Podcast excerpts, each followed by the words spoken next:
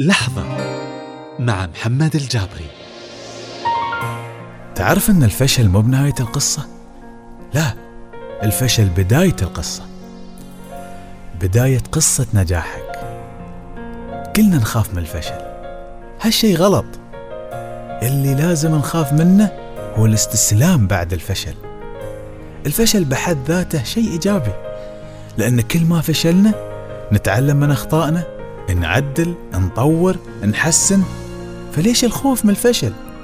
في كل مرة نفشل فيها لازم تكون في نقطة تحول في حياتنا. نقطة تحول للأفضل نقطة تحول للأقوى.